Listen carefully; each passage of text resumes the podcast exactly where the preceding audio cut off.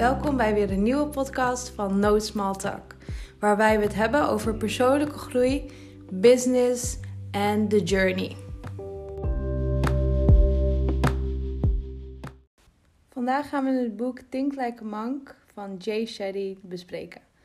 Het boek is gedeeltelijk een autobiografie en een self-help want hij heeft management gestudeerd in Londen en tussentijds ook in een groot consultingbedrijf gewerkt.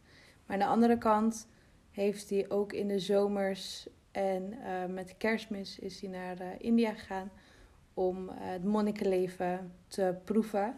Uiteindelijk is hij teruggegaan en is hij volledig monnik geworden. En uit zijn leven, uit zijn verhaal, komen lessen voor die handig zijn voor iedereen om te weten.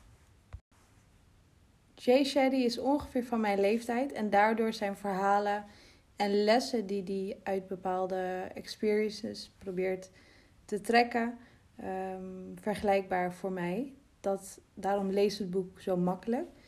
Aan de andere kant heeft het boek ook heel veel opdrachten en is het een beetje als een werkboek geschreven, waardoor ik het niet per se zou aanraden. Uh, maar als je verder luistert, zal ik de belangrijkste tips en tricks van het boek bespreken, waardoor je eigenlijk helemaal het boek niet hoeft um, te lezen. Andere handige tip is dat hij eh, actief is op YouTube. Hij heeft een eigen podcast en hij spreekt ook motivational uh, filmpjes in. Dus als je meer van het luisteren van de YouTube bent, en ook makkelijker. Oh ja, hij is ook natuurlijk op Spotify vanwege podcasts. Maar ja, dat soort dingen vind ik wel interessant van hem. Het boek zou ik niet nog een keer lezen.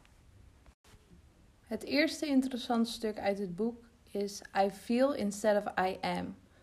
Als je een bepaalde emotie hebt, dan zeg je meestal ik ben boos, ik ben verdrietig, ik ben blij, ik ben bang. En het is niet zo dat wij het gevoel zijn, maar we beleven het.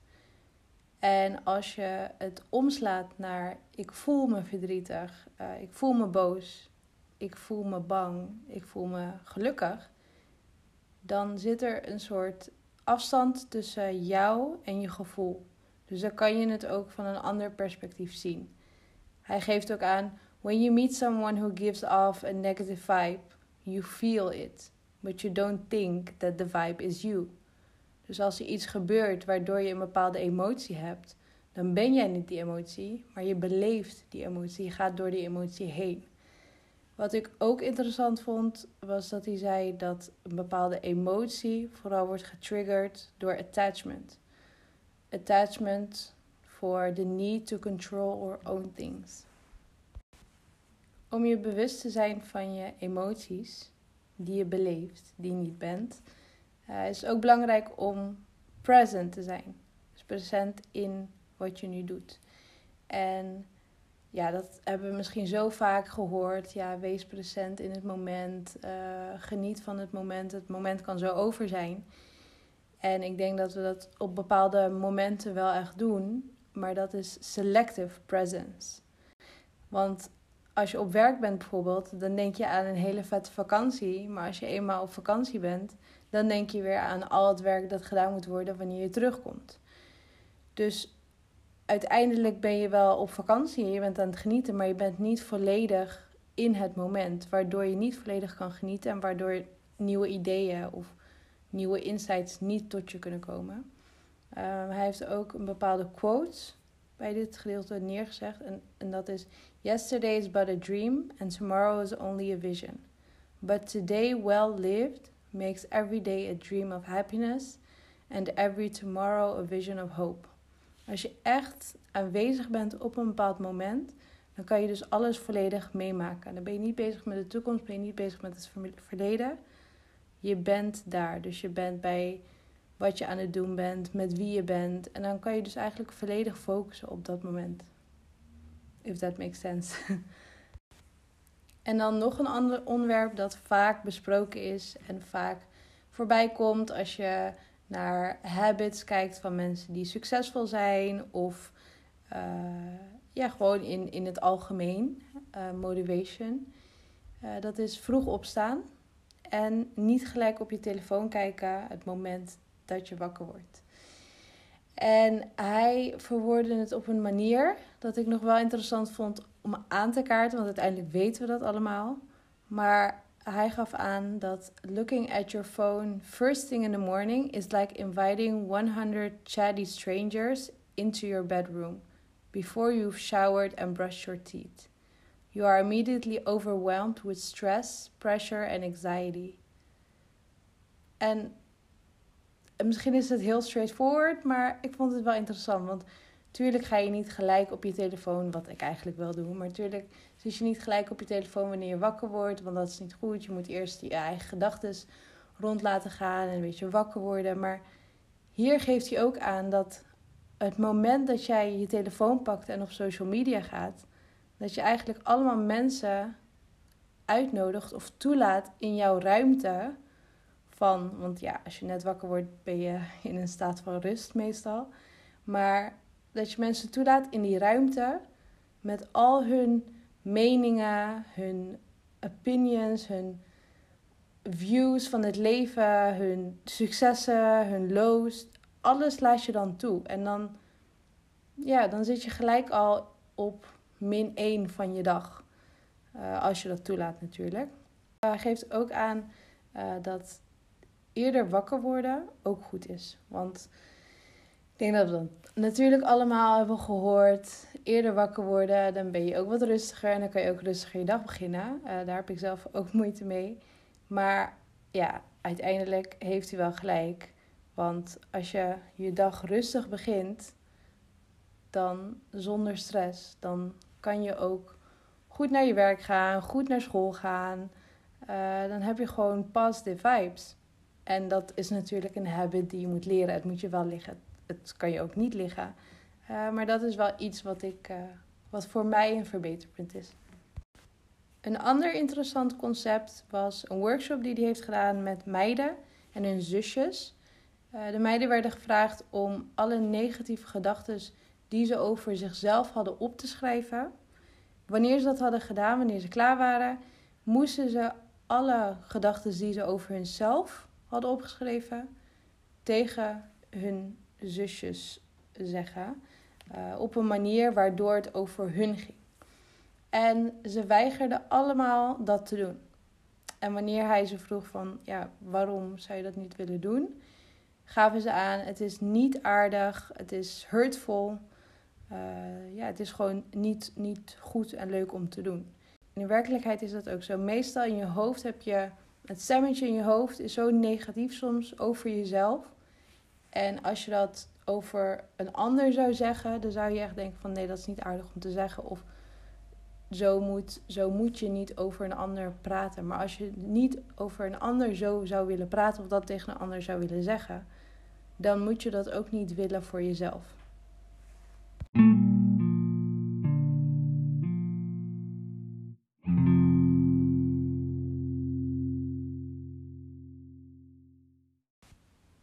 Dan heeft hij het over een principe dat paard en wagen heet. Uh, daarin symboliseren verschillende dingen van een paard en wagen, uh, verschillende dingen van je lichaam, geest, gevoelens. Um, de koets waar je op staat, dat is het lichaam. De persoon die uh, de paarden bestuurt, dat is het intellect. De teugels, dat is de mind. En alle paarden zijn je senses. En dan heeft hij het over een untrained state en een trained state. En in de untrained state is de intellect, dus de bestuurder, die is in slaap gevallen. Waardoor alle paarden, alle gevoelens en senses, dus al, al je zintuigen, uh, gewoon hun gang kunnen gaan. Wat betekent dat ze ongecontroleerd door kunnen gaan. Als ze honger hebben, dan stoppen ze even. Als ze iets zien bewegen, dan worden ze bang en reageren ze daarop zonder iets van controle. En daardoor hebben zij control over de mind. Want uiteindelijk zullen de horses uh, de teugels besturen. Tijdens de trained state is het intellect, dus de bestuurder, wakker. En die kan ook goed anticiperen op wat er gebeurt. Uiteindelijk is hij, heeft hij de teugels in handen, of de touwtjes. En dat is de mind. En daarop reageren de paarden weer. Dus uiteindelijk is door de mind bestuurt het intellect uh, alle zintuigen. En het intellect zal dat besturen door uh, ja, alles wat je meemaakt en alles wat je dan kan uh, relativeren. Stel je nou eens voor dat je in de trained state bent. Dus alles zit mee. Je mind is actief, je senses luisteren naar je intellect. Maar we moeten ons ook realiseren dat a mind's work is never done. Je kan je niet altijd in de trained state bevinden. Uiteindelijk zal er iets gebeuren waardoor je unmotivated bent, of misschien even een dipje hebt, of misschien niet zoveel motivatie hebt. En dat is ook helemaal niet erg. Hij geeft een heel goed voorbeeld daarover. Uh, we wake up with morning breath, smelly, tired. Every morning we accept the need to brush our teeth and shower. We don't judge ourselves for needing to wash up. Dus hij geeft aan elke ochtend wanneer je wakker wordt, dan denk je niet, oh, ik ben zo vies, waarom moet ik nou weer mijn tanden poetsen? Nee, het is gewoon normaal om je tanden te poetsen, omdat je net wakker bent en je ze schoon moet maken. Zo werkt het eigenlijk ook met je mind. Uiteindelijk heb je, zal er wel iets gebeuren waardoor je mind wat werk nodig heeft. En dan is het goed om je mind ook die kans te geven. Mocht je nou even een periode hebben waarbij je niet gefocust bent, niet gemotiveerd of gestrest, dan kan dat komen doordat je je hecht aan iets. Dus dat je attachment hebt. En Jay Shetty geeft aan dat detachment is not that you own nothing, but that nothing should own you. En als mensen het woord detachment horen, dan denken ze gelijk aan: ik ben vrij, ik heb niks nodig, ik ben egoïstisch, ik leef voor mezelf. Daar gaat het niet over. Het gaat meer om dat niks, niks of niemand um, jouw staat van geluk, jouw staat van zijn moet kunnen beïnvloeden. Dus tuurlijk zal je verbintenissen hebben, maar die verbintenissen moeten jou niet consumen. Als laatste onderwerp vertelt Jay Shetty over het dienen. Het dienen van anderen, het dienen van anderen voor jezelf. Om uh, geluk te vinden, om blij te zijn, om een goed gevoel te hebben. Maar ook voor anderen. En dat kan iets heel kleins zijn, het kan iets groots zijn, het kan iets met geld zijn. Het hoeft ook niks met geld te maken hebben. Um, hij vertelde eerder in het boek een verhaal over hoe hij met een aantal andere monniken werd gedropt op een plek zonder geld, zonder iets. En ze moesten te zien thuiskomen. Uh, toen hebben ze een aantal weken in een dorp geleefd, waardoor ze uh, ja, iets voor hun konden doen. In ruil voor eten, in ruil voor geld, waardoor ze weer konden reizen. En op een gegeven moment vonden ze zichzelf in een situatie waarbij ze um, extra geld hadden en extra eten. En dat konden ze dan weer delen met anderen die het ook nodig hadden. Dus ik vond dat verhaal mooi omdat hij begon met niets. Hij begon met overleven, met de kennis die hij heeft, met uh, de fysieke kracht die hij heeft om te helpen, om te dienen. Daardoor heeft hij iets gekregen en dat heeft hij dan ook weer ja, teruggegeven. En waar hij het ook over had, is dat monniken aangeven dat ze niks, als we het weer over attachment hebben, ze bezitten niks. Alles wat je krijgt is geleend en dat zal dan ook weer naar iemand anders kunnen. Dat was het dan weer voor deze aflevering. Ik hoop dat je er iets aan hebt gehad. En ik raad je zeker aan om zijn YouTube-video's te bekijken. Daarin interviewt hij interessante mensen, maar hij geeft ook motivational talks. Volgende maand zal het boek Rich Dad Poor Dad worden besproken. Dus uh, als je geïnteresseerd bent in geld en geld verdienen, dan uh, zou ik zeker volgende maand gaan luisteren. Bedankt nogmaals voor het luisteren en tot volgende maand.